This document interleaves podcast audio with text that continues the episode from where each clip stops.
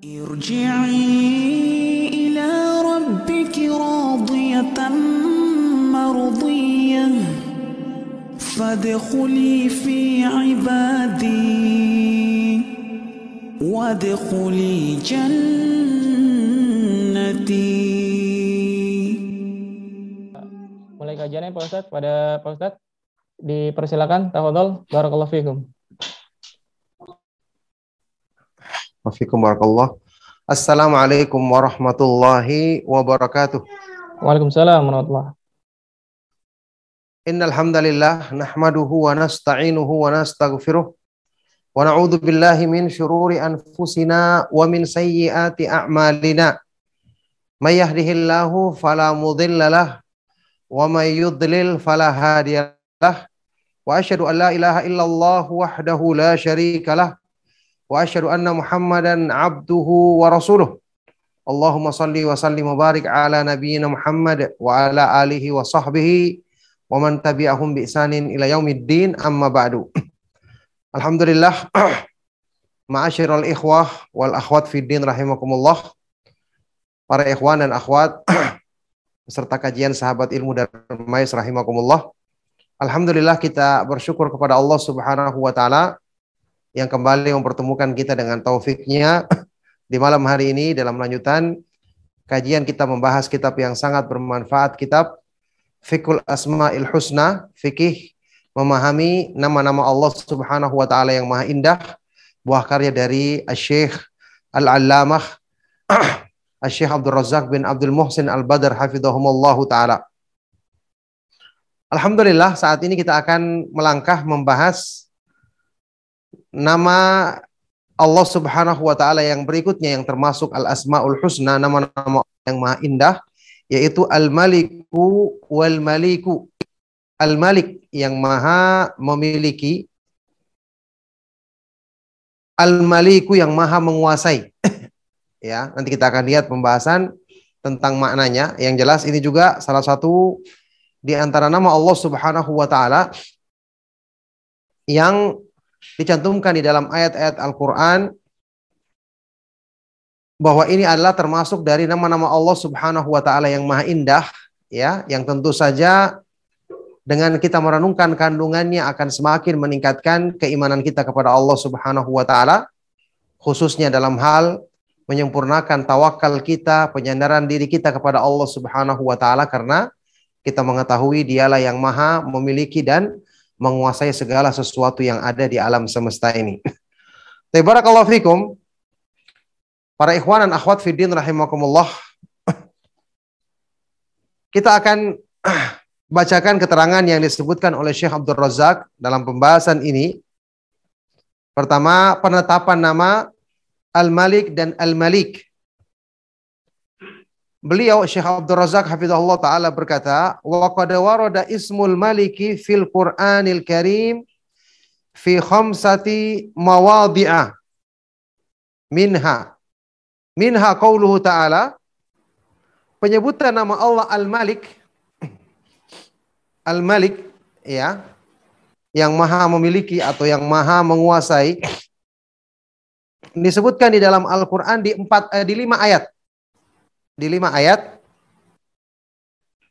Di antaranya di dalam surat Al-Hasyr ayat ke-23 sewaktu Allah Subhanahu wa taala menyebutkan nama-namanya yang maha indah Huwallahu alladhi a'udzu billahi minasyaitonir rajim Huwallahu alladhi la ilaha illa huwal malikul quddusus salamu al-mu'minul muhaiminul azizul jabbarul mutakabbir Dialah Allah yang tidak ada sembahan yang benar kecuali Dia, Al-Malik, yang maha menguasai, maha memiliki, Al-Qudus yang maha suci dan seterusnya.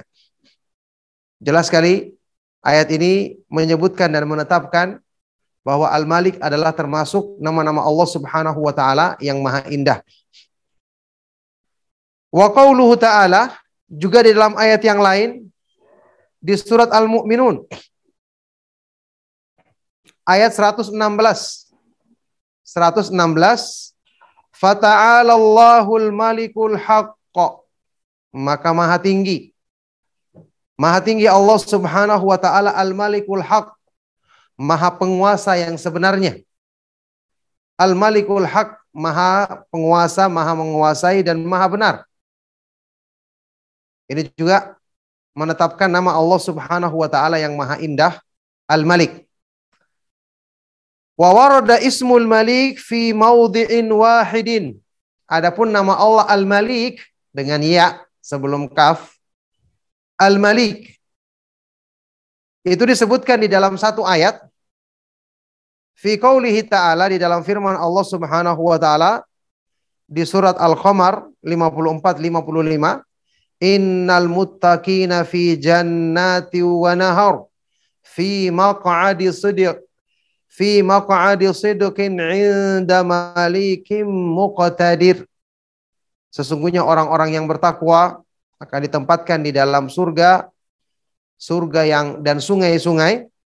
Fi maq'adi sidqin di tempat yang menyenangkan, di tempat yang benar, di tempat yang penuh dengan kesenangan. Di sisi Allah Subhanahu wa taala Al-Malik yang maha memiliki, yang maha menguasai, muqtadir dan maha kuasa atas segala sesuatu. Jadi inilah ayat yang menetapkan nama Allah Subhanahu wa taala Al-Malik. Oleh karena itu, ini juga menunjukkan kepada kita bahwa Al-Malik dan Al-Malik yang berdekatan secara maknanya adalah termasuk di antara Al-Asmaul Husna, nama-nama Allah Subhanahu wa taala yang berarti memiliki kandungan yang maha indah, hati dan maha sempurna. Ikhwan akhwat fiddin rahimakumullah, para peserta kajian sahabat ilmu dan mais. Tentu saja ketika kita membayangkan saja makna nama ini, kita sudah akan merasa yakin dengan di hati kita bahwa Allah Subhanahu wa taala dengan kemahakuasaannya, kepemilikannya atas semua makhluk yang ada di langit-langit dan di bumi, menjadikan orang yang beriman yakin ketika dia bersandar kepada Allah Subhanahu wa taala maka tidak ada yang bisa mengalahkannya. Karena Allah Subhanahu wa taala yang memiliki dan menguasai segala sesuatu. Maka ini salah satu di antara nama-nama Allah Subhanahu wa taala yang menjadikan kita mantap ketika bersandar dan selalu menggantungkan semua pengharapan kita kepada Allah Subhanahu wa taala maka jelas sekali penyempurnaan tauhid, penyempurnaan keimanan di hati seorang hamba. Baik, kita akan lihat makna dan penjabaran dari nama Allah Subhanahu wa taala Al-Malik dan Al-Malik ini.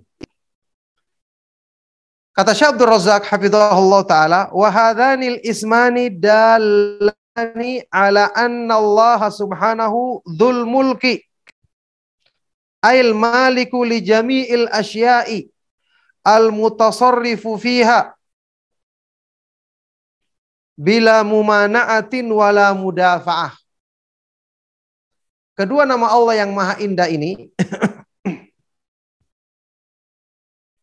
menunjukkan bahwasanya Allah Subhanahu wa taala dialah yang memiliki al-mulk kerajaan langit-langit dan bumi. Tabarakalladzi biyadihil mulku wa huwa ala kulli syai'in qadir. Maha suci Allah yang di tangannya lah segala kerajaan langit-langit dan bumi dan dia maha kuasa atas segala sesuatu. Jadi ini menunjukkan Allah Subhanahu wa taala adalah dzul mulk, maha memiliki yang memiliki al-mulk kerajaan langit-langit dan bumi semua yang ada di alam semesta ini. Ai artinya al-malik yang memiliki segala sesuatu. Semua al-mutasarrifu fiha yang mana dia maha berbuat. Al-mutasarrif maha melakukan apa maha berbuat apa yang dikehendakinya bila mumanaatin tanpa ada yang bisa menolak dan tanpa ada yang bisa mencegah. Karena dia maha kuasa atas segala sesuatu. Makanya dari sudut pandang ini ya, seorang hamba ketika dia mendapatkan sesuatu memang harusnya dia selalu bersyukur kepada Allah Subhanahu wa taala karena segala sesuatu itu adalah milik Allah. Asalnya kita tidak memiliki kecuali apa yang Allah Subhanahu wa taala berikan kepada kepada kita. Makanya ini menjadikan kita selalu rajin berdoa kepada Allah Subhanahu wa taala, bersandar kepadanya sampai pun kita telah mendapati banyak kebaikan dalam diri kita, terus kita berdoa dengan sungguh-sungguh agar Allah Subhanahu wa taala menetapkan kebaikan ini pada pada diri kita. Nah, jadi Allah Maha berbuat pada semua makhluknya di alam semesta ini dengan apa saja yang dikehendakinya bila mumanaatin tanpa ada yang bisa mencegah dan tanpa ada yang bisa menolak.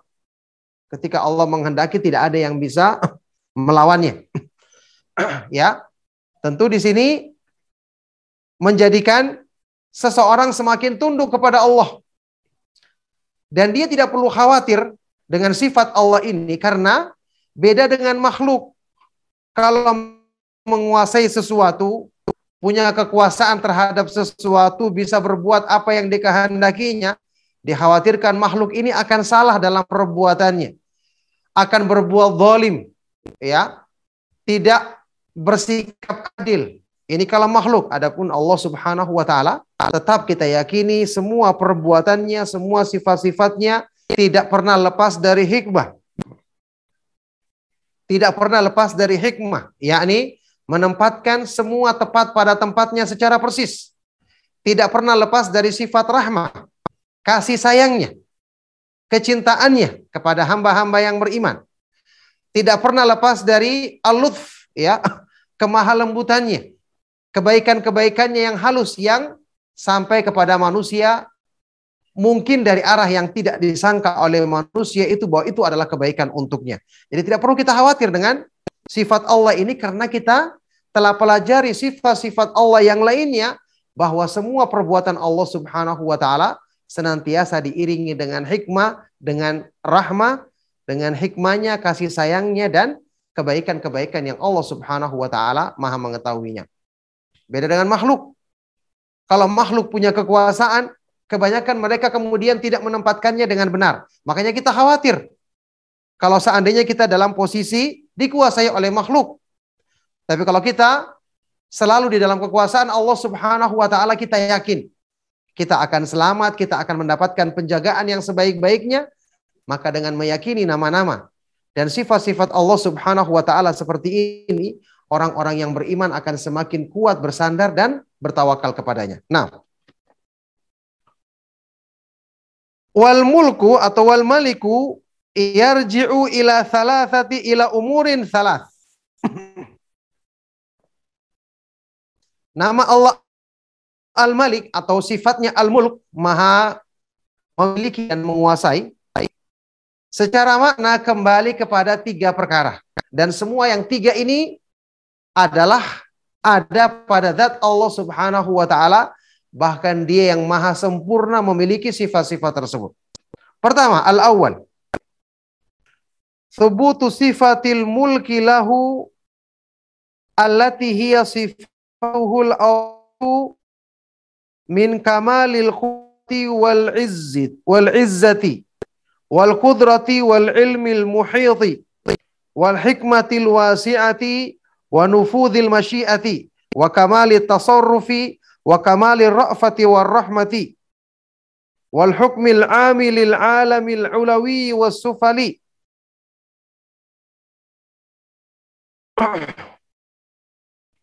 والحكم al amu fid dunya wal akhirah. Kita lihat. Pertama menetapkan sifat al-mulk, maha memiliki, maha menguasai bagi Allah. Yang ini adalah sifat-sifat keagungannya. Karena terkandung di dalam makna al-milk, ya, maha memiliki atau maha menguasai, terkandung di dalamnya sifat-sifat yang agung, ya, yaitu di antaranya apa? Kamalul kuwah. Karena Allah maha memiliki, maha menguasai, berarti dia punya kemahakuatan yang sempurna. Tidak ada yang bisa mengalahkan kekuatan Allah Subhanahu wa taala, siapa pun dia, sehingga dengan sebab ini Allah maha menguasai semuanya. Semua yang ada di alam semesta di bawah kekuasaan dan kepemilikan Allah Subhanahu wa taala. Wal izzati sempurnanya kemahaperkasaannya. Wal kudrati sempurnanya kemahamampuannya, kemaha kuasaannya. Wal ilmil muhit. Ilmu yang meliputi segala sesuatu. Karena dia memiliki menguasai berarti dia mesti mengetahui segala sesuatu. Wal hikmatil wasi'ah. Ini juga yang menjadikan kita tenang. Ya. Kemahakuasaan Allah Subhanahu wa taala kepemilikannya selalu disertai dengan hikmah yang maha luas. Sehingga Allah tidak akan pernah menempatkan dalam kekuasaannya sesuatu yang salah. Karena senantiasa sifat hikmah selalu ada pada zatnya yang maha tinggi. Wa nufudhil masyiah. Dan kehendak Allah yang nufud. Ya. Yang nafidah, yang menembus segala sesuatu. Yakni berlaku, tidak ada yang bisa mencegahnya. Ketika Allah menghendaki, maka ini pasti terjadi dan berlaku pada semua makhluknya sesuai dengan kehendaknya. Masya Allah kana wa malam yasha lam yakun kata para ulama. Apa yang Allah kehendaki pasti terjadi dan apa yang tidak dikehendakinya tidak mungkin akan terjadi. Taib wa kamali tasarrufi juga sempurnanya tasarruf. Maha berbuatnya Allah Subhanahu wa taala. Jadi ketika Allah melakukan apa yang sesuai dengan kehendaknya, ini tidak sama dengan apa yang tadi kita sebutkan, tidak sama yang dilakukan oleh makhluk. Karena Allah Subhanahu wa taala ketika berbuat selalu dengan hikmah yang sempurna, rahmat yang sempurna. Wa kamali ra'fati war rahmah disertai dengan kesempurnaan ar-ra'fah ya. Sifat ra'fah war rahmah, kasih sayang dan kelembutan. Kelembutan dan kasih sayang. Wal hukmil ami terkandung juga di dalamnya makna hukum yang menyeluruh untuk semua alam semesta, baik alam yang paling tinggi maupun yang paling rendah. Wal hukmil ami juga berlaku hukum yang umum di dunia maupun di akhirat. Subhanallah. Jadi kandungan dari sifat Allah al-milku atau al-mulku, maha memiliki dan maha menguasai, terkandung padanya sifat-sifat kesempurnaan yang lainnya. Makanya ini juga termasuk nama Allah Subhanahu wa taala yang sangat agung kedudukannya dengan kita mempelajari kandungan maknanya. Qala ta'ala Allah Subhanahu wa taala berfirman di surat Ali Imran ayat 189. Walillahi mulkus samawati wal ard wallahu ala kulli syai'in qadir. Dan milik Allah lah kerajaan kepenguasaan terhadap semua yang ada di langit-langit dan di bumi. Di langit-langit dan di bumi dan Allah Subhanahu wa taala maha kuasa atas segala sesuatu. Ini juga menggambarkan kepada kita tentang makna ya al-milku atau al-mulku milik Allah Subhanahu wa taala adalah seperti makna yang diterangkan di pembahasan yang pertama ini atau makna yang awal yang pertama ini. Wa qala ta'ala di ayat berikutnya surat Al-Furqan ayat 26. Al-mulku yauma idinil haqqu lirrahman. Kemahakuasaan. Kemahapemilikan. Pada hari kiamat nanti, kemahakuasaan yang benar adalah milik Allah Subhanahu wa taala yang Maha Pemurah. Surat Ghafir atau surat Al-Mu'min ayat ke-16. Limanil mulkul yaum lillahil wahidil qahar. Limanil mulkul yaum. Milik siapakah? Kemahakuasaan. Kerajaan. Pada hari kiamat nanti hanyalah milik Allah Subhanahu wa taala yang maha tunggal dan lagi maha perkasa. Yang maha tunggal lagi maha perkasa. Subhanallah. Ma'asyiral ikhwa wal akhwat fi din rahimakumullah. Ya para ikhwan dan akhwat peserta kajian sahabat ilmu Dharma rahimakumullah, kita merenungkan makna dari sifat Allah Subhanahu wa taala Allah Subhanahu wa taala ini saja sudah menimbulkan keyakinan dan optimis dalam diri kita untuk selalu bersandar kepada Allah Subhanahu wa taala. Untuk meminta kepada Allah Subhanahu wa taala semata-mata. Untuk selalu bersangka baik. ya. Makanya perbuatan Allah Subhanahu wa taala apa pun yang dilakukannya tidak akan mungkin dinilai zalim. Tidak akan mungkin dikatakan itu adalah kezaliman. Apa pun ketika Allah memberi kepada siapa yang dikehendaki dan tidak memberi kepada siapa yang tidak dikehendaki. Pertama karena pertimbangan ini, pemiliknya adalah Allah. Ya, yang namanya pemilik maka dia memberikan kepada siapa yang dikehendakinya terserah dia dan juga dia tidak memberikan kepada siapa yang tidak dikehendakinya juga terserah terserah dia. Makanya dalam hal ini kita selalu ya berprasangka baik kepada Allah Subhanahu wa taala dengan kita menetapkan bahwa semua yang ada di alam semesta ini adalah miliknya dengan kesempurnaan sifat-sifatnya, maka pastinya ketika dia mengatur segala sesuatu itu adalah pengaturan pengaturan yang sebaik-baiknya. Taib athani makna yang kedua. makna yang kedua dari nama uh, sifat Allah Subhanahu wa taala al-mulk atau al-milku. Taib. Athani yang kedua, anna jami'al khalqi mamalikuhu wa abiduhu. Bahwa semua makhluk, makna yang kedua, semua makhluk adalah mamalik. Hamba Allah, abid, budak-budak Allah. Semua makhluk adalah hambanya, budaknya. Ya, ini harus tunduk di bawah kekuasaannya. Berarti orang yang menghambakan diri kepada makhluk adalah orang yang sangat hina dan bodoh. Sangat rendah pemikirannya. Kenapa dia menghambakan diri tunduk kepada makhluk? Padahal makhluk juga adalah mamluk.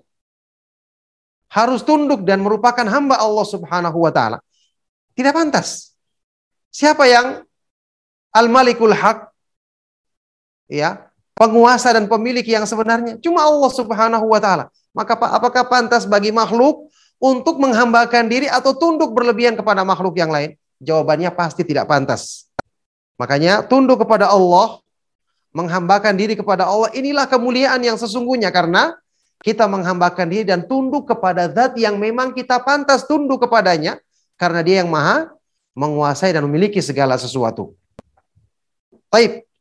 Wa muftakiruna ilaih. Semua makhluk butuh dan muftakirun menyandarkan hajat kepadanya. Muttaruna ilaihi fi jami'i syu'unihim. Bahkan muttarun memiliki hajat yang darurat kebutuhan yang sangat mendesak kepada Allah dalam semua urusan mereka. Laisa li ahadin khurujun an mulkihi. Tidak ada seorang pun yang bisa keluar dari kekuasaannya kepemilikannya. Ingat setiap kita butuh kepada Allah bahkan ittirar.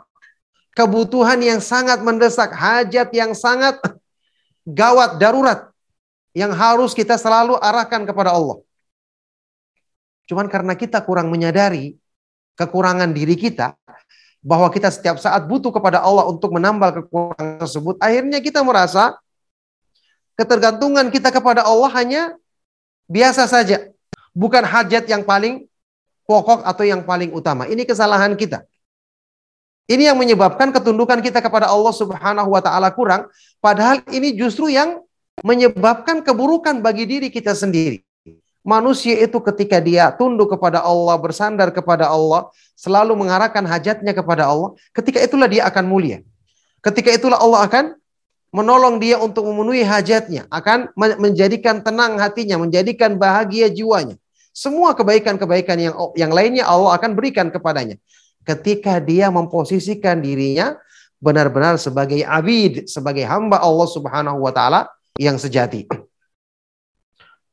Taib laisa li ahadin khurujun an mulkihi tidak ada seorang pun yang bisa keluar dari kekuasaan dan kepemilikannya wala li makhlukin ginan an ijadihi wa imdadihi wa naf'ihi wa daf'ihi wa mannihi wa ataih dan tidak ada satu makhluk pun yang bisa lepas dari ya kebutuhan kepada Allah dalam hal menciptakannya dari tidak ada menjadi ada imdad memberikan pertolongan memenuhi kebutuhan-kebutuhannya memberikan manfaat, mencegah keburukan darinya, memberikan karunia, memberikan kebutuhan-kebutuhan lain dalam kehidupan manusia.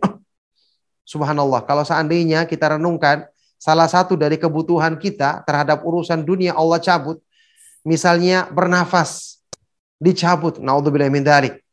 Kemampuan untuk ya bisa melaksanakan hidup kita. Bisa makan, bisa minum atau bisa misalnya buang hajat, ini Allah Subhanahu wa taala jadikan gangguan pada diri seorang, maka hidupnya akan menderita bisa berakhir dengan kebinasaan sebagaimana yang kita ketahui bersama. Ini menunjukkan tidak ada seorang makhluk pun yang bisa lepas dari kebutuhan dan ketergantungan kepada Allah Subhanahu wa taala dalam segala sesuatu yang berhubungan dengan kehidupannya. Taib. Qala ta'ala Allah Subhanahu wa taala berfirman di surat Az-Zukhruf ayat 85. Wa tabarakalladzi lahul mulku samawati wal ardi wa ma bainahuma wa indahu ilmu sa'ati wa ilaihi turja'un. Dan maha suci Allah Subhanahu wa taala yang dialah yang memiliki semua kerajaan langit-langit dan di bumi dan apa yang di antara keduanya serta di sisinya lah ilmu tentang kapan terjadinya hari kiamat dan hanya kepada dia kalian semua akan dikembalikan.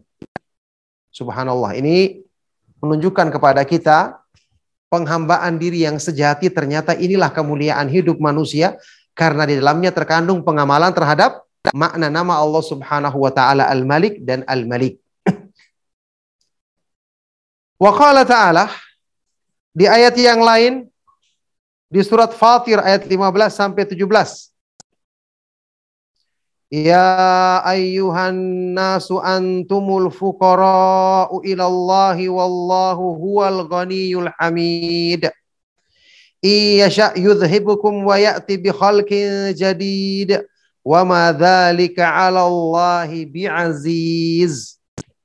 Wahai sekalian manusia, kalian adalah makhluk-makhluk yang fakir, miskin butuh kepada Allah dan Allah Subhanahu wa taala dialah yang maha kaya lagi maha terpuji. Kalau dia menghendaki dia akan membinasakan kalian semua dan akan mendatangkan makhluk yang baru, makhluk yang lain. Dan itu sama sekali tidak sulit bagi Allah Subhanahu wa taala. Bukanlah perkara yang berat bagi Allah Subhanahu wa taala. Di surat Al-Ankabut ayat ke-60 Al-Ankabut ayat ke-60 wa ka'ayyim min dabbatin la tahmilu rizqaha. La tahmilu rizqaha Allahu yarzuquha wa iyyakum wa samiul alim. Dan berapa banyak binatang melata di muka bumi ini yang mana kamu tidak menanggung rezeki mereka tapi Allah lah yang menjamin rezeki mereka serta rezeki kalian dan dia maha mendengar lagi maha mengetahui.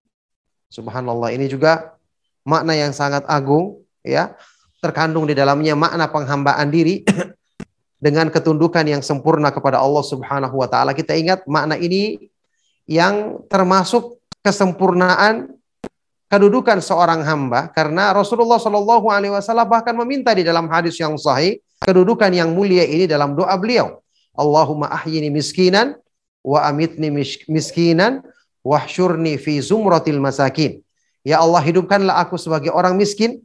Ya ini miskin di sini maksudnya bukan kembali kepada harta kata para ulama, tapi miskin di sini maksudnya at-tawadhu, selalu merendahkan diri, selalu merasa butuh kepada Allah Subhanahu wa taala, selalu menghambakan diri maksudnya mengakui kelemahan dan kekurangan dirinya untuk disandarkannya kepada yang maha sempurna, yang maha kuasa atas segala sesuatu.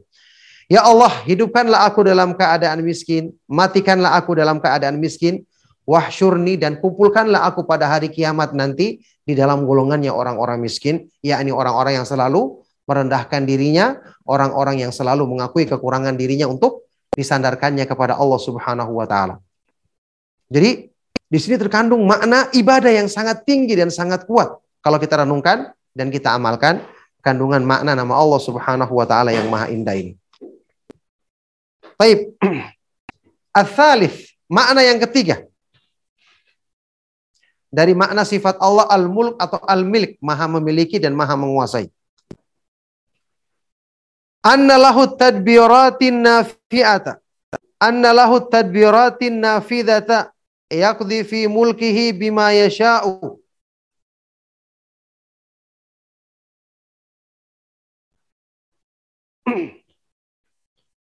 Baik. Yaqdi fi mulkihi bima yasha' wa yahkumu fiha bima yurid. La rada li qada'ihi wa la mu'aqqiba li hukmihi lahul muk lahuk lahul hukmu fihi taqdiran wa syar'an wa jazaa'a. Bahwasanya Allah Subhanahu wa taala memiliki tadbirat, pengaturan-pengaturan yang mesti berlaku, menembus segala sesuatu. Tidak ada yang bisa mencegah. Allah memutuskan ketentuannya pada kerajaannya sesuai dengan kehendaknya. Menghukumi semua makhluknya sesuai dengan keinginannya. Tidak ada yang bisa menolak ketentuannya. Tidak ada yang bisa melawan hukumnya. Dialah yang memiliki hukum pada semua makhluknya. Baik secara takdir menentukan ketentuan takdirnya. Wasyar'an menentukan hukum syariat terhadap mereka. Wajazaan dan memberikan balasan dari perbuatan mereka ya dengan balasan di dunia dan di akhirat nanti. Subhanallah. Jadi sini terkandung tiga macam. Terkandung tiga hal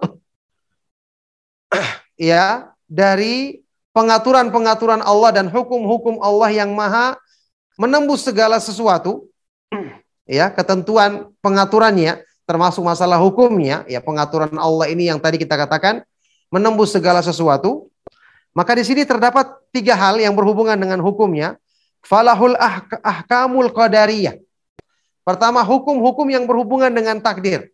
Ketentuan yang Allah takdirkan tidak akan bisa berubah, tidak ada yang bisa mencegahnya. Rasulullah Shallallahu Alaihi Wasallam dalam hadis sahih riwayat Imam Muslim dari Abdullah bin Umar radhiyallahu taala anhuma, Rasulullah Wasallam bersabda, "Kataballahu maqadir al khalaiqi qabla an yakhluqas samawati wal arda bi khamsina alfasanah." Allah Subhanahu wa taala telah menuliskan ketentuan takdir semua makhluknya sebelum Allah menciptakan langit, langit dan bumi selama 50 ribu tahun. Jadi Allah yang maha memiliki hukum-hukum qadariyah, ketentuan Haitsu jaratil aqdaru kulluha. Di mana ketentuan takdir Allah semua berlangsung, berjalan. ya, semuanya berjalan. Wal ijadat sebagaimana Allah menciptakan mempersiapkannya. Wal ihya menghidupkan. Wal imata mematikan. Wa ghairu ala muqtadha qada'ihi wa qadarihi dan hal-hal yang lain yang semua sesuai dengan ketentuan takdir ketentuan takdir Allah Subhanahu wa taala. Jadi hukum di sini maksudnya hukum menetapkan takdir. Tidak ada yang bisa mencegahnya. Tidak ada yang bisa luput darinya. Ma asabaka lam yakun liyukhti'aka wa ma akhta'aka lam yakun liyusibaka kata Rasulullah SAW. Apa yang luput darimu dalam ketentuan takdir Allah tidak mungkin akan menimpamu. Ya, ma asabaka apa yang akan menimpamu dalam ketentuan takdir Allah tidak akan mungkin luput darimu. Wa ma akhta'aka dan apa yang luput darimu tidak menimpamu dalam ketentuan takdir Allah lam yakun liyusibak tidak akan mungkin setelah itu akan menimpamu. Semua berlangsung sesuai dengan takdir Allah Subhanahu wa taala karena Dia yang memiliki menguasai segala sesuatu. Makna yang kedua dari hukum tadi walahul ahkamu syar'iyyatu Dialah yang maha memiliki hukum-hukum syariat. Haitsu arsala rusula di mana Allah menurunkan mengutus rasul-rasulnya untuk menjelaskan hukum syariat yang diridhoinya. Wa anzala kutubahu, Allah menurunkan kitab-kitab suci dari sisinya. Wa syara'a syara'i'ahu, dia yang mensyariatkan, menentukan hukum-hukum syariat di dalam agamanya. Wa khalaqal khalqa li hukum. Bahkan Allah menciptakan makhluk untuk hukum ini. Jadi hukum syariat Allah turunkan kepada manusia agar mengikuti hukum ini. Ya. Di samping dengan sebab ini mereka dapat pahala keutamaan di sisi Allah, lebih daripada daripada itu melaksanakan hukum ini berarti memperbaiki keadaan diri manusia. Memperbaiki dan memenuhi kebutuhan mereka yang paling besar yaitu ketenangan hati, ketenangan jiwa. Inilah tujuan diturunkannya hukuman hukum-hukum syariat tujuan Allah Subhanahu wa taala menetapkan ketentuan di dalam agamanya. Wa amarahum an yamshu ala hukmihi dan Allah memerintahkan kepada hamba-hambanya untuk berjalan di atas hukumnya fi aqaidihim baik dalam masalah keyakinan mereka wa akhlakihim dalam masalah akhlak tingkah laku mereka wa aqwalihim dalam ucapan-ucapan mereka wa af'alihim perbuatan-perbuatan mereka wa zahirihim wa batinihim dalam urusan yang lahir maupun batin pada diri mereka. Wa nahahum an mujawazati hadzal hukmi syar'i sebagaimana Allah Subhanahu wa taala melarang mereka dari melampaui melanggar hukum syariat yang Allah tetapkan ini. Jadi ini yang kedua. Pertama hukum yang berhubungan dengan takdir Allah Subhanahu wa taala. Yang kedua hukum-hukum syariat. Hukum-hukum yang Allah turunkan di dalam agamanya. Yang ketiga, walahul ahkamul jazaiyah. Dialah yang memiliki hukum-hukum balasan, pahala dan dosa. Ya. Wahiyal jaza'u alal a'mali khairiha wa syarriha yaitu balasan atas perbuatan manusia yang baik maupun yang buruk. Fi dunya wal akhirah, yang berlaku di dunia dan di akhirat. Ingat, balasan kebaikan bukan hanya diterima di akhirat saja. Orang-orang yang beriman Allah janjikan kebaikan di dunia dan di akhirat. Allah Subhanahu wa taala berfirman, "Man 'amila shalihan min dzakarin aw untha wa huwa mu'minun falanuhyiyannahu hayatan thayyibatan wa lanajziyannahum ajrahum bi ahsani ma kanu ya'malun." Barang siapa yang melaksanakan amalan soleh dari kalangan laki-laki maupun perempuan dalam keadaan dia beriman, maka sungguh-sungguh kami berikan untuknya kehidupan yang indah. Ini balasan di dunia. Dan sungguh-sungguh kami akan berikan balasan di akhirat nanti dengan yang lebih baik daripada apa yang mereka kerjakan di dunia. Subhanallah, ini hukum yang berhubungan dengan balasan menunjukkan orang-orang yang beriman itu beruntung dengan kebahagiaan dunia akhirat kalau mereka mengikuti ketentuan syariat Allah Subhanahu wa taala. Jadi balasan atas amal perbuatan yang baik yang maupun yang buruk di dunia dan di akhirat. Wa ithabati ta'iin, memberi pahala bagi hamba-hamba yang taat. Wa uqubatil asin, memberikan siksa azab bagi orang-orang yang berbuat maksiat, yang durhaka. Wa kullu hadhil ahkami tabi'atun li wa hikmatihi wa kulluha min ma'ani mulkihi dan semua hukum-hukum yang tiga jenis ini semua pasti mengikuti keadilan dan hikmah Allah Subhanahu wa taala yang sempurna dan semua ini adalah termasuk dari makna mulk kemaha kuasaan ya dan kemaha pemilikan dan kemaha kuasaan Allah Subhanahu wa taala. Nah, jadi ini makna yang terdapat nama Allah Subhanahu wa taala Al-Malik atau Al-Malik dan sifat Al-Mulk atau Al-Milk Maha memiliki dan Maha menguasai. Taib kata beliau selanjutnya, wa min ma'ani mulkihi inzalu kutubihi, maka termasuk dari makna mulkihi Allah Maha kuasa, Maha mengatur alam semesta, Maha memilikinya. Berarti termasuk maknanya adalah inzalu kutubihi, Allah menurunkan kitab-kitab suci dari sisinya. Wa irsalu rusulihi Allah mengutus rasul-rasul yang dipilihnya. Wa hidayatul alamin. Memberikan hidayah kepada semua makhluk yang ada di alam semesta. Wa irsyadul dhalina. Memberikan bimbingan kepada orang-orang yang sesat. Wa iqamatul hujjati wal ma'zirati alal mu'adinina al mu'anidina wal mukabirina serta menegakkan hujah, menegakkan argumentasi Allah, menghilangkan alasan bagi orang-orang yang menentang dan orang-orang yang menyombongkan diri. Nauzubillah min dzalik. wa wad'u thawabi wal iqabi. Mawadhi'aha menempatkan pahala dan balasan siksaan sesuai dengan tempatnya. Tidak mungkin ada yang salah. Amal-amal perbuatan manusia semua akan tercatat dan akan mendapatkan balasan yang sempurna. Baik. Wa tanzilul umuri manazilaha sebagaimana dia menempatkan segala sesuatu pasti semua pada tempatnya ila ghairi dzalika minat tadbiri wat tasarrufi fi mamlakatihi bima syaa subhanahu dan makna-makna yang lain yang merupakan at-tadbir, pengaturan dan perbuatan Allah Subhanahu wa taala sesuai dengan kehendaknya di dalam kerajaannya ya sesuai dengan apa yang dikehendaki oleh Allah Subhanahu wa taala.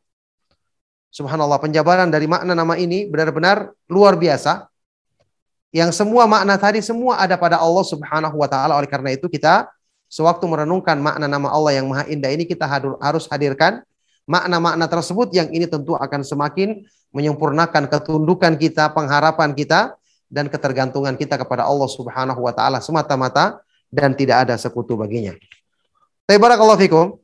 Ikhwan dan akhwat fiddin rahimakumullah cukup sampai di sini insyaallah ketenangan yang bisa kita bacakan dari penjelasan Syekh Abdul Razak di dalam kitab Fikih Al-Asmaul Husna ini. Kita persilakan di waktu yang masih ada untuk kita lanjutkan dengan diskusi dan tanya jawab insyaallah. Barakallahu fikum. Sallallahu wasallam wa baraka ala nabiyina Muhammad wa ala alihi wa sahbihi ajma'in. Walhamdulillahi rabbil alamin.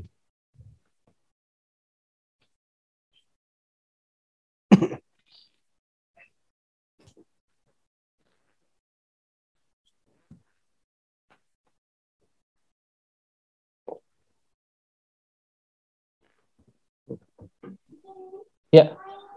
Alhamdulillahirrabbilalamin. Syukron jazakallah khair pada Pak Ustadz atas pembahasan yang insya Allah sangat bermanfaat ini.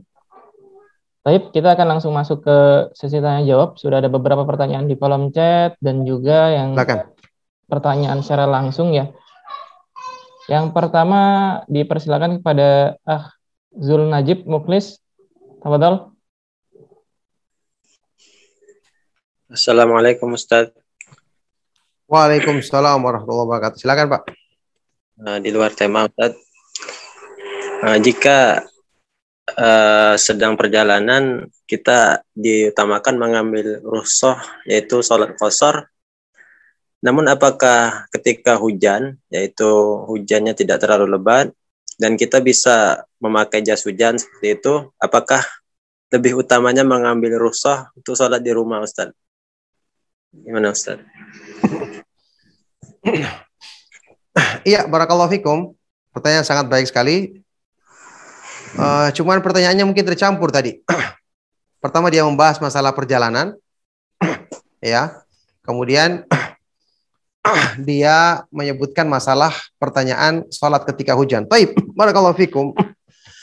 Iya betul.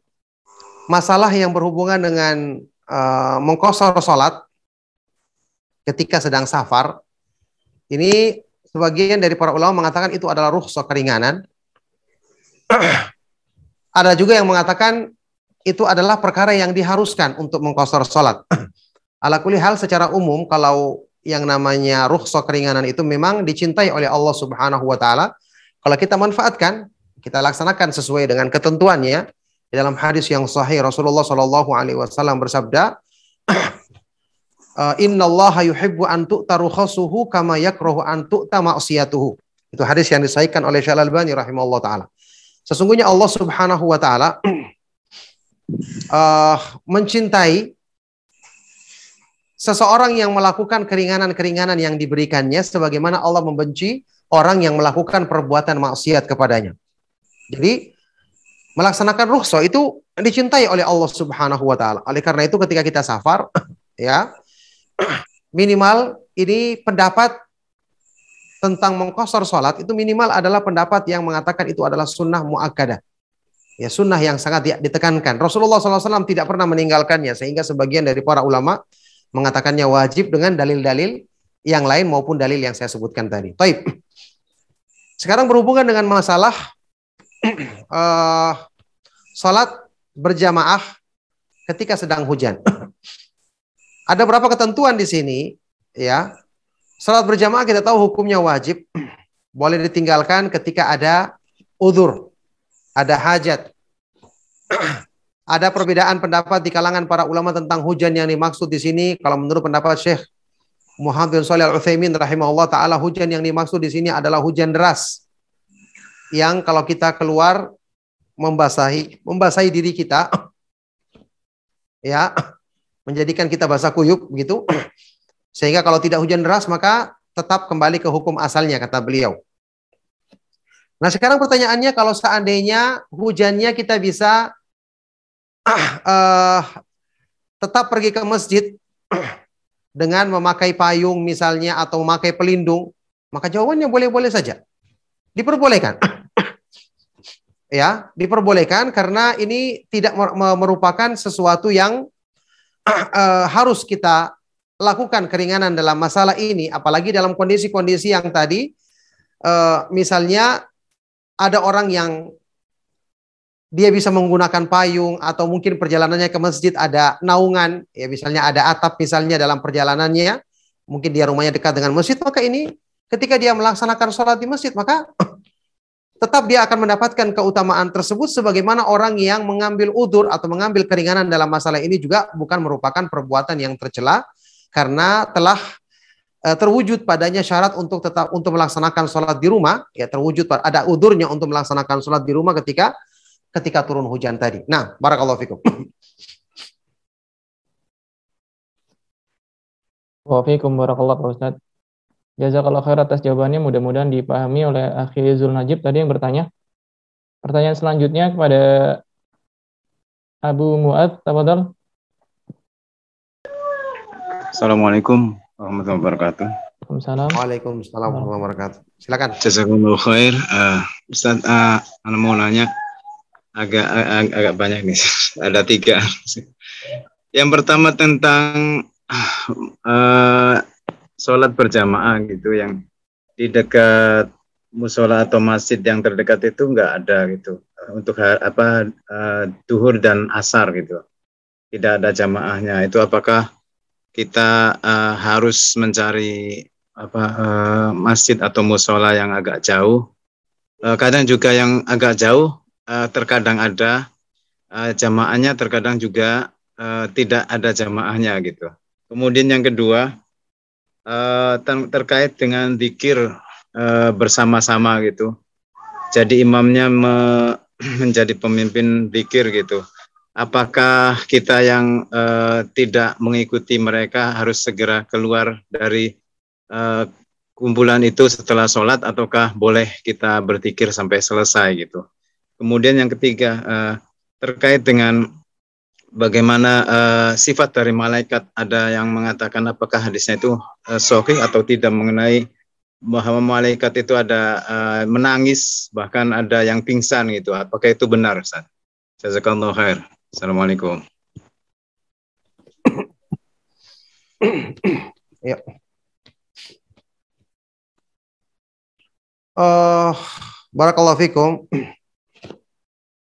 Pertanyaan yang sangat baik sekali dari beliau yang bertanya semoga Allah Subhanahu wa taala senantiasa melimpahkan kebaikan kepada antum yang bertanya dan kepada kita semua.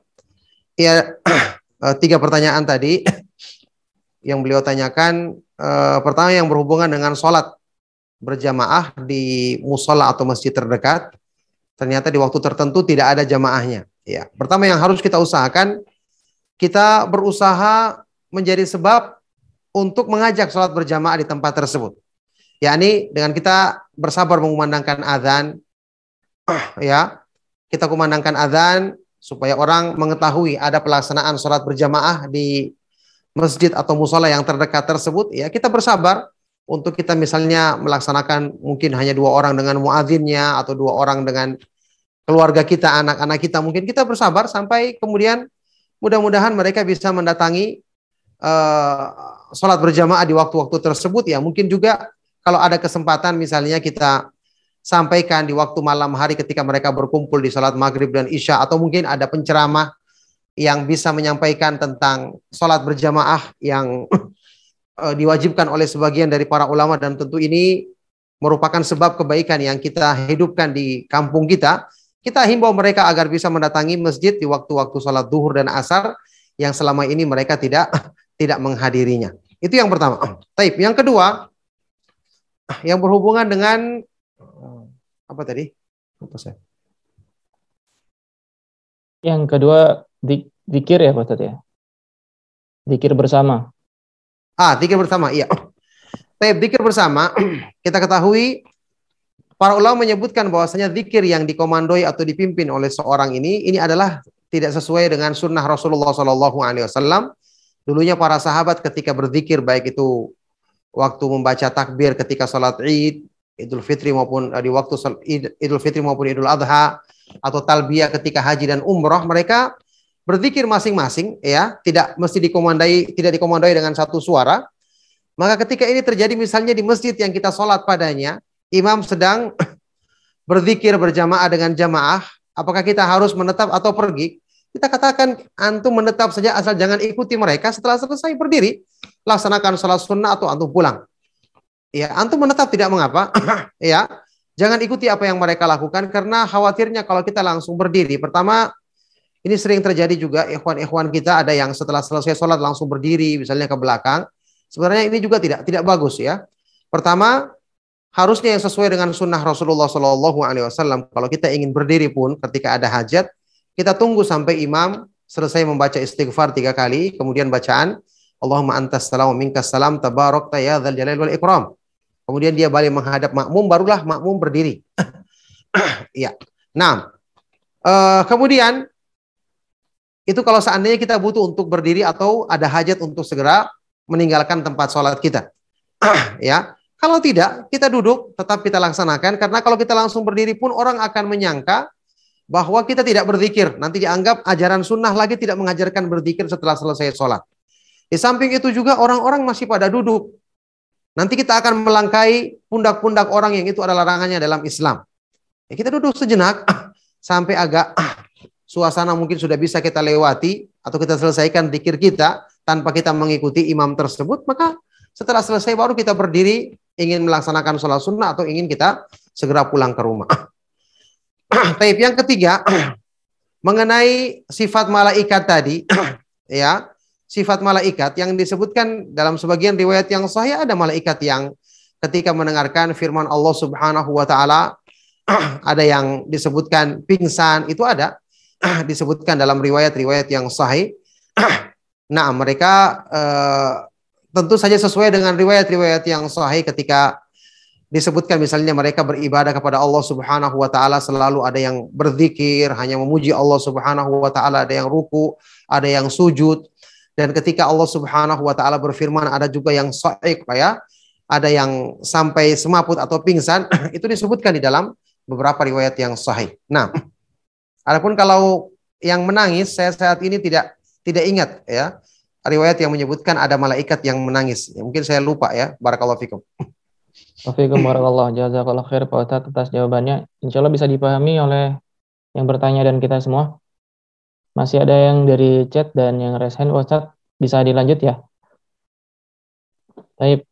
Ya, Ini, silakan. Eh, kita beralih dulu yang ada di chat. Ada pertanyaan. Um, Assalamualaikum, izin bertanya Ustadz. Ya. Jika seseorang punya suami yang tidak soleh, lalai dalam sholat misalnya, walau seorang istri sudah berkali-kali mendakwahinya, baik dengan lisan maupun sering dikirim ceramah-ceramah singkat tentang sholat, tetapi tetap tidak didengar. Malah si suami marah karena merasa digurui. Yang ingin anak tanyakan adalah doa seorang istri yang solehah agar suaminya diberi hidayah, agar menjadi suami yang soleh itu tetapi belum dikabulkan oleh Allah. Apakah memang hal ini sudah menjadi takdir Allah memberikan suami yang tidak soleh? Dan apakah doa anak yang belum terkabul itu merupakan salah satu ujian buat istri ya, agar bisa bersabar. Kira-kira seperti itu Pak Ustadz. Jazakallah khair. Iya, barakallahu fiik. Pertanyaan sangat baik sekali dari beliau yang bertanya. Semoga Allah Subhanahu wa taala senantiasa melimpahkan kebaikan dan keberkahan, memudahkan hidayah kebaikan bagi dirinya dan keluarganya, juga untuk kita semua. Ya, kondisi yang terjadi tadi ya terjadi pada orang-orang yang lebih mulia dibandingkan kita semua. ya. Fir'aun laknatullah alaih, istrinya adalah termasuk pimpinan wanita penghuni surga. Dalam hadis yang sahih disebutkan, ya Asia bintu Muzahim adalah termasuk sayyidat ahli jannah, sayyidat ini saya ahli jannah, pimpinan-pimpinan perempuan penghuni surga. Ya, apakah dia kurang berdoa? Jelas tidak. ya, sebagaimana para nabi yang lebih soleh lagi, Nabi Nuh, Nabi Lut, keluarganya, istrinya, anaknya Nabi Nuh, kita tahu termasuk yang durhaka tidak mengikuti ajaran dari bapaknya yang mulia, Nabi Nuh alaihi salatu wasallam. Makanya tidak boleh kita berputus asa ketika mendoakan kebaikan. Hidayah di tangan Allah Subhanahu wa taala dan kita berusaha menasehati seorang istri menasehati suami tidak sia-sia dia dapatkan pahala sisi Allah Subhanahu wa taala. Apakah ini sudah merupakan ketentuan takdir? Kita belum tahu karena belum belum berakhir. Kalau keadaannya saat ini jelas itu ketentuan takdir Allah, tapi kan kita sudah berusaha. Adapun nanti di akhir hayatnya kita tidak tahu. Tetap kita berusaha doakan dia, tetap kita berusaha nasihati dia dan bersabar, ya. Kemudian tentu perlu dipertimbangkan tadi. Tadi pertanyaannya dia lalai dalam sholatnya. Lalai di sini bagaimana? Kalau lalai di sini dia hanya sekedar misalnya tidak sholat berjamaah tapi dia sholat di rumah maka masih mending. Tapi kalau sampai dia meninggalkan sholat, wah ini sesuatu kelalaian yang susah untuk ditolerir. kalau sudah dinasehati dia tetap sholatnya bolong-bolong bahkan meninggalkan sholat lima waktu, wah ini berbahaya kalau yang seperti ini. Sudah sampai pada tingkatan kita harus pertimbangkan lagi apakah tetap bersamanya atau tidak. Kalau lalainya tadi dikatakan hanya sekedar dia ya, misalnya dia tidak sholat di awal waktu, sering terlambat sholat berjamaah atau bahkan tidak berjamaah, tapi masih dia sholat di rumah, ini masih Mudah-mudahan kita bisa bersabar menasehati dia, memberitahukan dia tentang kewajiban sholat berjamaah. Tapi kalau sampai meninggalkan sholat, sholatnya bolong-bolong dan itu sering terjadi sudah dinasihati, wah ini termasuk sudah melangkah kepada perkara mempertimbangkan apakah tetap bersama dia atau mengusahakan agar Allah Subhanahu wa taala pisahkan dia dengan suami yang seperti itu, yang seperti itu keadaannya. Yang jelas semua tidak sia-sia. Apa yang kita usahakan bernilai pahala di sisi Allah Subhanahu wa taala, ya doa dari istrinya mudah-mudahan insya Allah sudah doa yang sungguh-sungguh. Tapi bukan berarti tidak Allah kabulkan tapi memang hidayah di tangan Allah Subhanahu wa taala. Kalau Rasulullah Shallallahu alaihi wasallam saja Allah sebutkan di dalam Al-Qur'an innaka la tahdi man ahbabta Allah yahdi may yasha wa huwa a'lamu bil muhtadin. Sesungguhnya engkau ya Rasulullah tidak bisa memberikan hidayah kepada orang yang kamu sukai. Tapi Allah Subhanahu wa taala dialah yang memberikan hidayah kepada siapa yang dicintainya dan Allah yang lebih tahu tentang siapa yang pantas mendapatkan hidayah darinya. Nah, barakallahu fikum. Waalaikumsalam barakallah. Jazakallah khair Ustaz atas jawabannya. Mudah-mudahan bisa dipahami oleh yang bertanya. Selanjutnya pertanyaan langsung ya dari Abu Zaki, tafadhol. Silakan. Uh, terima kasih Ustaz atas waktu dan kesempatannya. Uh, langsung saja Ustadz ya, pertanyaan saya mengenai sabar Ustadz. Uh, yang dimaksud dengan sabar dalam menerima musibah itu yang bagaimana? Apakah ketika kita mendapatkan musibah, kemudian kita mengadu kepada Allah, uh, kita me, kita menangis-nangis merengek-rengek minta kepada Allah apakah hal seperti ini uh, dikatakan sabar yang diperbolehkan? Uh, atau ketika kita mendapatkan musibah kita adukan kepada makhluk ataupun kepada manusia itu apakah tidak sabar juga? Artinya Ketika kita mengadu, kita tidak mengadu kepada makhluk, cuma kita hanya mengadu kepada Allah. Misal Ustaz, an, uh, ada ehwan yang punya penyakit, tapi nggak kunjung sembuh-sembuh. Kemudian dia hanya mengadu, mengeluh, menangis, merengek-rengek minta kepada Allah, tapi dia nggak mengadu kepada makhluk. Tidak pernah mengadu kepada makhluk. Apakah uh, sabar seperti ini dilarang? Apakah kita nggak boleh apa mengadu kepada Allah mohon mohon penjelasnya Ustaz. Iya, barakallahu fikum. pertanyaan sangat baik sekali dari beliau yang bertanya semoga Allah Subhanahu wa taala senantiasa melimpahkan kebaikan dan rahmatnya kepada beliau dan kepada kita semua. Iya. Tentang makna sabar tadi kita sudah tahu sabar itu adalah habsun nafs ya. Menahan diri sabar dalam melaksanakan perintah Allah, meninggalkan larangannya dan menghadapi ketentuannya. Ketentuan takdir Allah Subhanahu wa taala yang tidak sesuai dengan keinginan kita. Contoh yang dibawakan tadi, misalnya orang yang sakit, tidak sembuh-sembuh sakitnya. Apakah ketika dia mengadukan kepada Allah, menangis, merengek-rengek, meminta kesembuhan kepada Allah subhanahu wa ta'ala, ini diperbolehkan? Maka diperbolehkan. Cuman lebih utama lagi, ya, kalau kita minta kepada Allah subhanahu wa ta'ala keadaan yang paling baik. Sekarang, ketika seorang sakit, dia minta kepada Allah agar disembuhkan. Apakah dia yakin kalau dia sembuh, dia akan lebih baik? Sekarang dengan sakitnya dia, Allah Maha mengetahui, mungkin sakit ini baik baginya, penghapus dosa-dosanya. Mungkin dengan dia sakit dia lebih bisa bersabar, bisa bersangka baik kepada Allah. Belum tentu kalau dia sehat, sehat nanti dia tidak akan melampaui batas. Dia akan lupa bersyukur. Dia akan bisa tetap rajin berdoa, rajin ngaji dan seterusnya. Paling bagus adalah dia minta kepada Allah bahwa keadaan yang Allah berikan kepada dia tetap dimudahkan dia untuk bersabar dan bersangka bersangka baik kepada Allah dalam menerimanya. Kalau Allah sembuhkan dia, dia mohon kepada Allah agar bisa mensyukuri nikmat tersebut dan tidak lalai dengan kesembuhannya ketika Allah sembuhkan dia. Jadi itu yang terbaik. Jadi apa pun yang Allah berikan kepada dia adalah keadaan yang terbaik. Kalau Allah berikan dia tetap sakit, maka Allah mudahkan dia untuk bersabar, untuk tetap tabah, tetap bersangka baik kepada Allah. Kalau Allah sembuhkan dia, maka dia minta agar Allah mudahkan dia bersyukur, memanfaatkan sembuhnya dengan baik, tidak lalai, dan tetap dalam kebaikan kepada Allah Subhanahu wa taala dalam semua keadaan. Itu lebih baik. lebih baik ya. Masalah mengadu kepada manusia tadi ya perlu dipertimbang dilihat apa maksudnya mengadu di sini. Kalau dia sekedar bertanya kepada orang yang ahli tentang sakitnya untuk mencoba yang disyariatkan di dalam Islam untuk mengusahakan pengobatan, ya mencari obat yang sesuai, yang tidak melanggar Islam, maka ini diperbolehkan. Kalau sekedar dia datang ke dokter menyebutkan keluhan-keluhan dirinya bukan karena keluhan ini untuk uh, mengadu kepada manusia ya, maka ini tidak mengapa dalam kondisi yang dibutuhkan untuk disebutkan penyakitnya tersebut. Ya, maka mengadu kepada Allah seperti yang disebutkan tadi ini adalah jelas kebaikan. Ini merupakan hal yang diajarkan di dalam Islam sebagaimana yang disebutkan di dalam Al-Qur'an doanya Nabi Yakub alaihissalatu wassalam. Innama ashku bathi wa huzni ilallah. Hanyalah aku mengadukan segala kesedihanku dan segala kegundahanku kepada kepada Allah Subhanahu wa taala ya. Dia, dia dia mengadukan sakitnya kepada Allah, minta kesembuhan kepada Allah, maka ini adalah sesuatu yang disyariatkan. Cuman lebih baik lagi kalau dia ingin memohon kepada Allah Subhanahu wa taala dengan menyandarkan pilihan itu kepada Allah karena Allah Maha mengetahui keadaan yang terbaik yang terbaik bagi dirinya. Nah, barakallahu fikum. Waalaikumsalam warahmatullahi Pak Ustaz. Jazakallah khair atas jawabannya.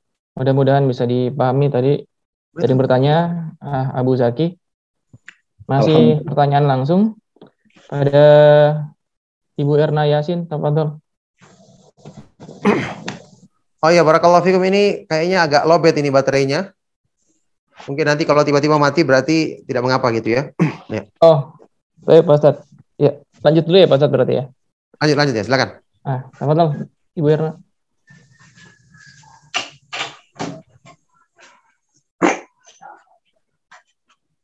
Halo Ibu Erna.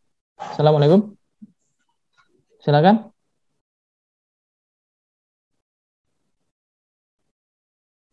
Oke. Belum ya, belum bisa ya. Uh, langsung lanjut ke Aup. Tahu-tahu, Aup ya. Afana. Oh. Assalamualaikum. Waalaikumsalam warahmatullahi wabarakatuh. Waalaikumsalam. Afan Ustadz, Anda mau bertanya tapi di luar tema.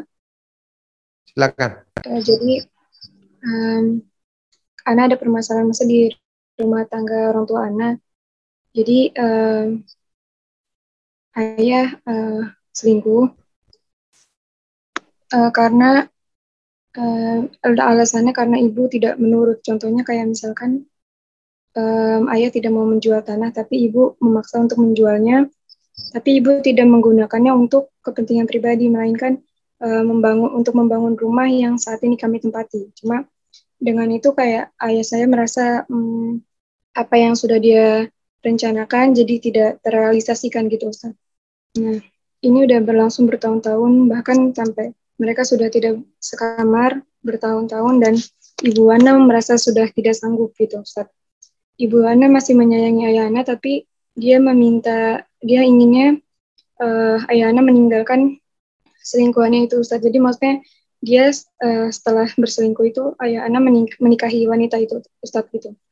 Nah, yang ingin Anda tanyakan bagaimana kalau misalkan Anda meminta ayah untuk meninggalkan wanita itu atau kalau misalkan ayah tetap ingin bertahan apakah ibu Ana boleh meminta cerai Ustaz? Karena ibu um, khawatir uh, jika terus seperti ini justru dia malah berdosa gitu Ustaz. Mohon nasihatnya Ustaz. Assalamualaikum warahmatullahi wabarakatuh.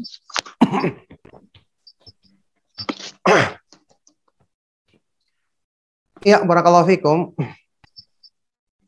Pertanyaan yang uh, baik sekali dari beliau yang bertanya. Semoga Allah Subhanahu wa taala senantiasa melimpahkan rahmat dan kebaikan kepada beliau dan keluarganya memberikan jalan keluar yang terbaik dari masalah yang mereka sedang hadapi. Iya, permasalahan seperti ini uh, mungkin perlu penjelasan yang lebih rinci. Ya, saya cuma menjawab sesuai dengan pertanyaannya saja. Ya, yang bisa kita sarankan pertama berdoa kepada Allah Subhanahu wa taala agar diberikan petunjuk yang terbaik dalam hal ini. Tetap saja yang namanya pertimbangan syar'i harus didahulukan ya permasalahan yang disebutkan tadi mungkin permasalahan yang harusnya bisa didekatkan antara kedua-duanya. Ya, misalnya kalau terjadi uh, tadi yang saya pahami dari penjelasan yang ada sebagian saya nggak dengar juga tadi uh, masalah menjual tanah, ya itu dikembalikan kepada siapa yang memiliki tanah tersebut sebenarnya. Seandainya yang memiliki itu ayah, maka harusnya ibu tidak boleh memaksakan kehendaknya. Apalagi harus ada pertimbangan-pertimbangan dari dua-duanya ketika mendiskusikan masalah ini sehingga tidak timbul uh, permusuhan atau perselisihan yang akan menimbulkan masalah seperti yang tadi disebutkan misalnya. Kalau sudah terlanjur, terlanjur terjadi, maka diselesaikan sesuai dengan cara syar'i. Kalau perempuan yang tadi merupakan selingkuhannya, ya, uh, misalnya mungkin solusinya adalah segera dinikahkan saja, atau kalau sudah menikah, maka diterima dan berusaha untuk di uh, maklumi keadaannya karena ini adalah perkara yang disyariatkan di dalam Islam. Yang bermasalah nanti kalau seandainya belum dinikahi atau kemudian terjadi uh, banyak penyimpangan-penyimpangan ya dengan uh, pernikahan yang kedua tadi itu ini perlu dirinci kembali keadaannya. Bagaimana keadaannya saat ini apakah selingkuhannya ini sudah dinikahi atau belum? Kemudian setelah terjadinya pernikahan yang kedua ini bagaimana kondisi ayah ya? Kalau seandainya bisa uh, anti yang justru mendekatkan kedua orang tua maka ini lebih bagus ya didekatkan dengan sebaik-baiknya kemudian permasalahan asalnya tadi dikembalikan kepada hukum syar'i siapa yang memiliki tanah tersebut ya ibu tidak boleh menjualnya kalau itu adalah milik ayah artinya diselesaikan supaya sesuai dengan uh, syariat Islam sesuai dengan dekat dengan keridoan Allah Subhanahu wa taala mudah-mudahan dengan kita usaha seperti ini Allah Subhanahu wa taala akan jadikan sebagai sumber kebaikan dan kita tahu Allah Subhanahu wa taala ketika menyebutkan di dalam Al-Qur'an perintah kembali kepada hukumnya dan hukum rasulnya Allah Subhanahu wa taala sebutkan di akhir ayat ini dzalika khairun wa ahsanu ta'wila. Sikap itu adalah yang terbaik dan nanti akibatnya juga kesudahannya juga akan baik. Maka mudah-mudahan kalau kita berusaha mengembalikannya kepada hukum yang sesuai dengan petunjuk Allah dan Rasulnya akan menjadi kebaikan untuk akhirnya nanti. Barakallahu fikum. Nah. Waalaikumsalam barakallah. Jazakallah khair Pak Ustaz atas jawabannya.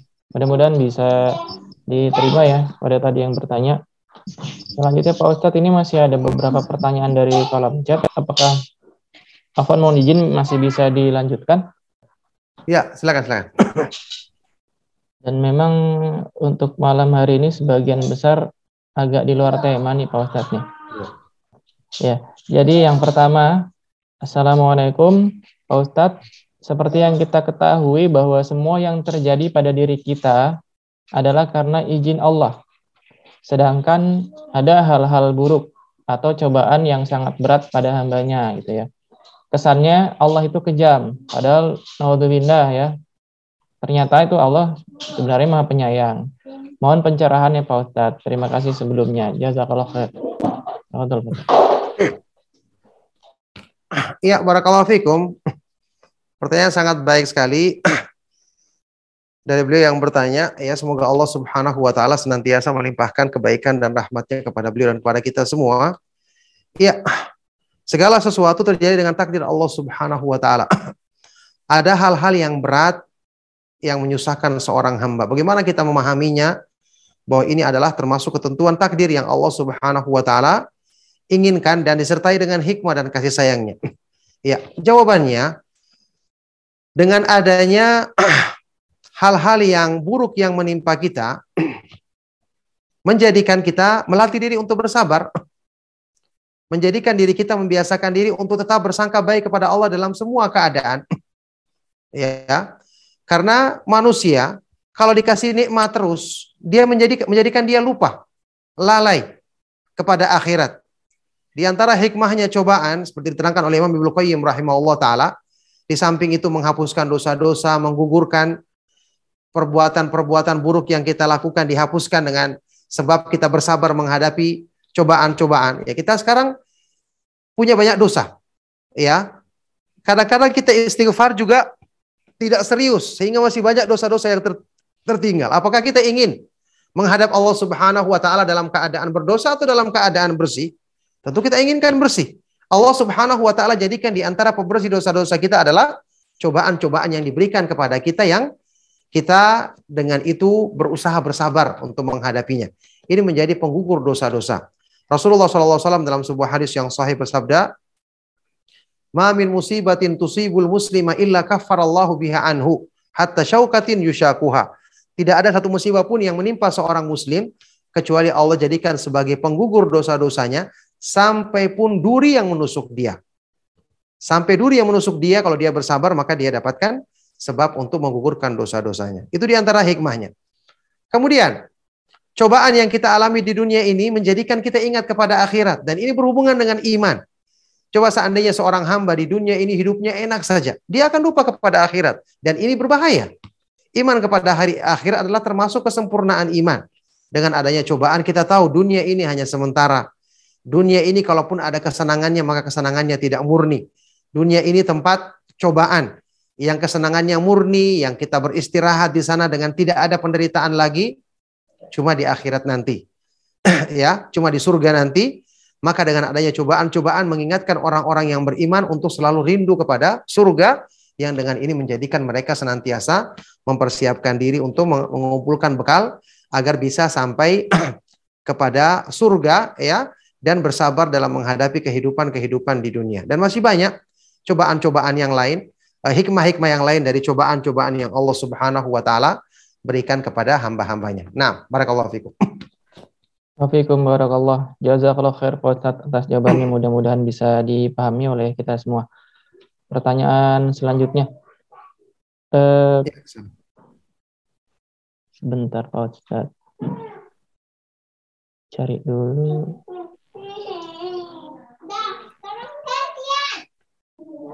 Oke, ini memang lebih banyak pertanyaan mengenai masalah keluarga ya Pak Ustadz ya. Yang kira-kira sesuai dengan tema malam ini terlebih dahulu.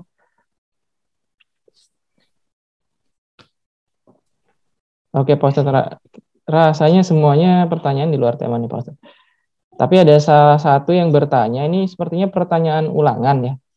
Di beberapa kajian kita, Pak Ustadz sering membahas ini, tapi mungkin bisa diulangi lagi mungkin ada jamaah yang belum sempat mengikuti bagaimana cara berdoa ya yang sesuai sunnah yang menggunakan nama-nama mulianya Allah Subhanahu wa taala Pak Ustaz.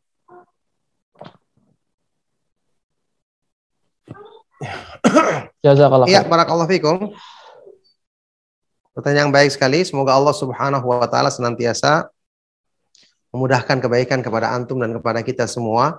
Cara kita berdoa kepada Allah Subhanahu wa taala dengan nama-namanya yang maha indah sesuai dengan apa yang Allah perintahkan di dalam Al-Qur'an. Walillahil asmaul husna fad'uhu biha. Dan Allah memiliki nama-nama yang maha indah, maka berdoalah kalian kepada Allah dengan nama-namanya yang maha indah. Caranya adalah kita memahami, kita pelajari nama-nama Allah, kemudian setelah kita pelajari, kita pahami kandungan maknanya, kita sebutkan nama-nama tersebut di dalam doa kita yang maknanya bersesuaian dengan nama itu.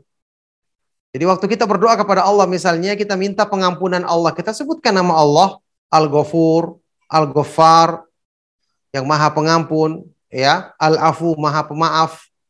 Kita bertobat sebutkan nama Allah At-Tawwab.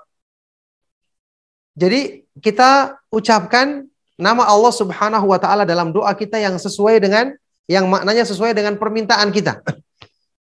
Jadi jangan malah sebaliknya. Ya, seseorang meminta pengampunan kepada Allah Subhanahu wa taala dia menyebutkan Allah itu menyebut nama Allah uh, yang maha keras siksaannya. ya. maha keras siksaannya misalnya. Ini jelas syadidul iqab misalnya Allah itu maha keras siksaannya, maka ini tidak bersesuaian. Dia minta pengampunan tapi dia malah minta diadab. Ini tidak benar. Jadi Inilah makna ini pentingnya kita memahami kandungan makna nama-nama Allah Subhanahu wa taala. Misalnya kita memohon kepada Allah Subhanahu wa taala agar uh, dibukakan pintu-pintu kebaikan, kita sebut nama Allah Subhanahu wa taala Al-Fattah.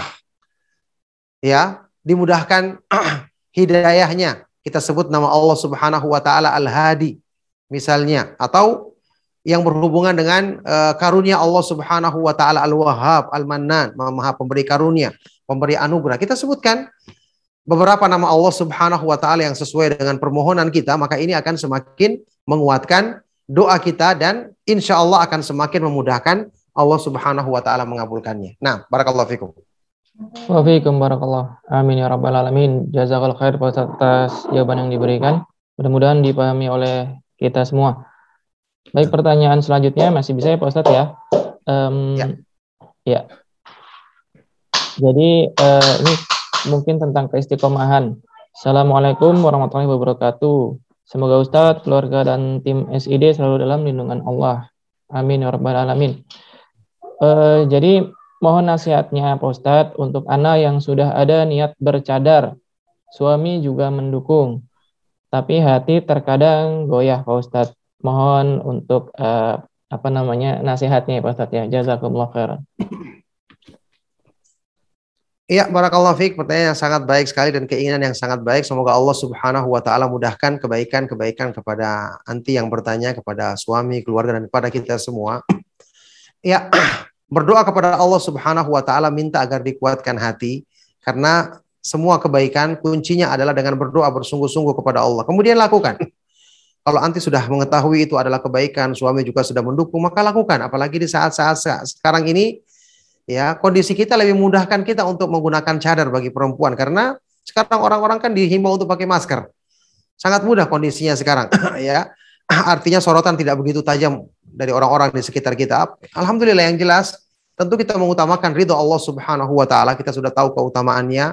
Bercadar minimal itu adalah perkara yang dianjurkan bahkan sebagian ulama mengatakannya wajib, maka kita lakukan, kita akan dapatkan pahala di sisi Allah Subhanahu wa taala dan juga ini banyak berhubungan dengan hal-hal yang berhubungan dengan uh, kehormatan kita, penjagaan terhadap kesucian diri kita. Maka kita lakukan, kita berdoa kepada Allah agar dikuatkan dan kita bersabar menghadapi cobaan-cobaannya, maka ini bisa menjadi sebab terbukanya pintu-pintu kebaikan yang lainnya dari sisi Allah Subhanahu wa taala. Nah, barakallahu fikum. Assalamualaikum warahmatullahi Jazakallah khair Pak Ustadz atas jawabannya. Baik, ini pertanyaan berikutnya. Assalamualaikum Ustadz. Apa yang harus dilakukan oleh orang yang pernah bernazar berpuasa selama tiga hari jika lancar urusannya? Namun lupa Pak Ustadz. Apakah pernah menunaikannya atau belum? Jika apa? Kira-kira bagaimana Pak Ustadz? Jazakallah khair. Ya, Barakallahu pertanyaan sangat baik sekali uh, kalau dia pernah bernadar seperti itu dan dia lupa apakah sudah melakukannya atau belum, ya dia berusaha mengingatnya. Kalau dia ragu-ragu dan khawatir, sebaiknya dia lakukan karena nadar ini termasuk ya bentuk semacam utang kita kepada Allah Subhanahu wa taala. Dan Rasulullah SAW memerintahkan, "Man an yuti Allah fal yuti'hu, wa man an ya'si Allah fala ya'sih." Barang siapa yang bernadar untuk taat kepada Allah, maka hendaknya dia taat, dia lakukan. Dan barang siapa yang bernadar untuk berbuat maksiat kepada Allah maka jangan dia berbuat maksiat. Maka lakukanlah ya cuma tiga hari puasa insya Allah sesuatu yang tidak susah kita lakukan kita tunaikan agar bisa uh, menyelesaikan kewajiban kita kepada Allah Subhanahu wa taala. Cuma perlu kita ingatkan bahwa nadar seperti ini makruh hukumnya. Orang yang meniatkan atau mengkaitkan ibadah kepada Allah dengan urusannya dimudahkan. Berarti kalau urusannya tidak sesuai keinginannya dia tidak lakukan. Ini hukumnya makruh ya dibenci bukan sesuatu yang dicintai oleh Allah Subhanahu wa taala. Rasulullah Shallallahu alaihi wasallam dalam hadis yang sahih pernah bersabda, "La tanduru fa inna nadhra la yugni minal qadari syai'an wa inna ma yustakhraju bihi minal bakhil."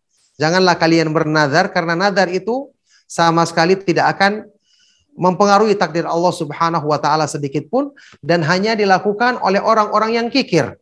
Makanya ini dimakruhkan oleh para ulama karena nadar yang seperti ini ya eh, disebutkan dalam bentuk celaan dilakukan oleh orang-orang yang kikir seperti yang disebutkan di dalam hadis ini. Nah, barakallahu fikum.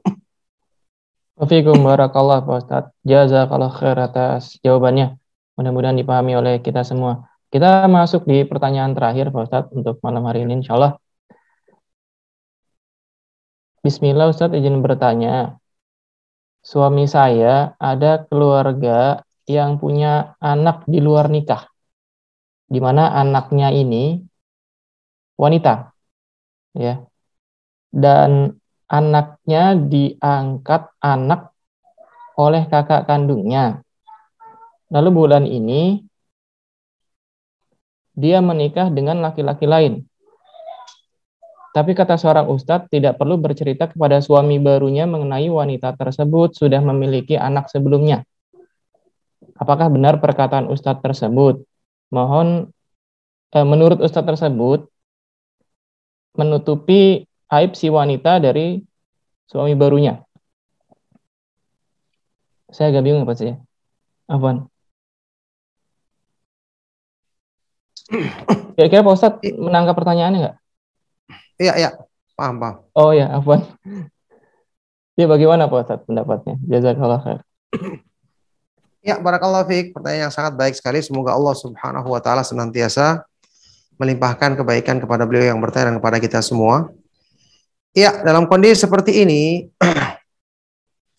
permasalahan yang berhubungan dengan masalah ini memang ini aib harusnya ditutupi dari suami, tapi ada aib-aib tertentu yang berhubungan dengan masalah pernikahan yang mungkin uh, harus diketahui oleh suami seperti masalah anak yang lahir di luar nikah nanti berhubungan dengan masalah uh, kondisi si perempuan ini ketika menikah nanti misalnya suaminya ya maaf ya mendapati dia mungkin sudah tidak gadis lagi.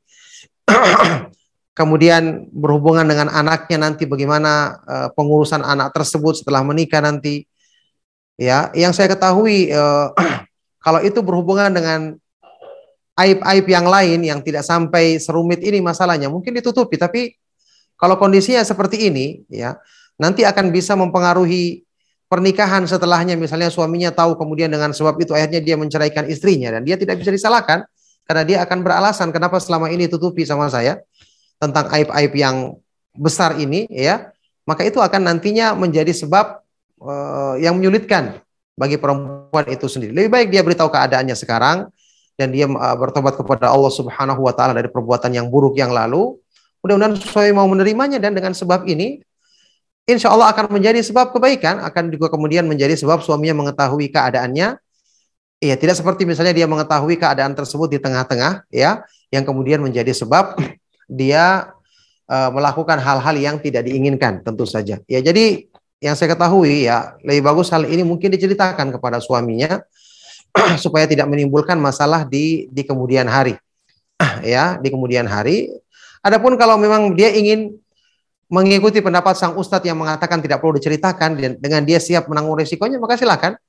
Ya, kalau sampai terjadi hal-hal yang tidak diinginkan ya maka semoga Allah Subhanahu wa taala menakdirkan yang terbaik untuk keadaan-keadaan tersebut. Itu pendapat yang bisa Anda sarankan ya. Dan ini merupakan pertanyaan terakhir dari perjumpaan kita di malam hari ini. Mohon maaf atas segala sesuatu yang salah atau kurang dari kajian maupun jawaban-jawaban pertanyaan yang Anda sampaikan. Demikianlah ya, kami cukupkan sallallahu wasallam wa barak ala nabiyina Muhammad wa ala alihi wa sahbihi wa man tabi'ahum bi isanin ila yaumiddin walhamdulillahi rabbil alamin. Subhanakallahumma bihamdika asyhadu an la ilaha illa anta astaghfiruka wa atubu ilaik. Wassalamualaikum warahmatullahi wabarakatuh.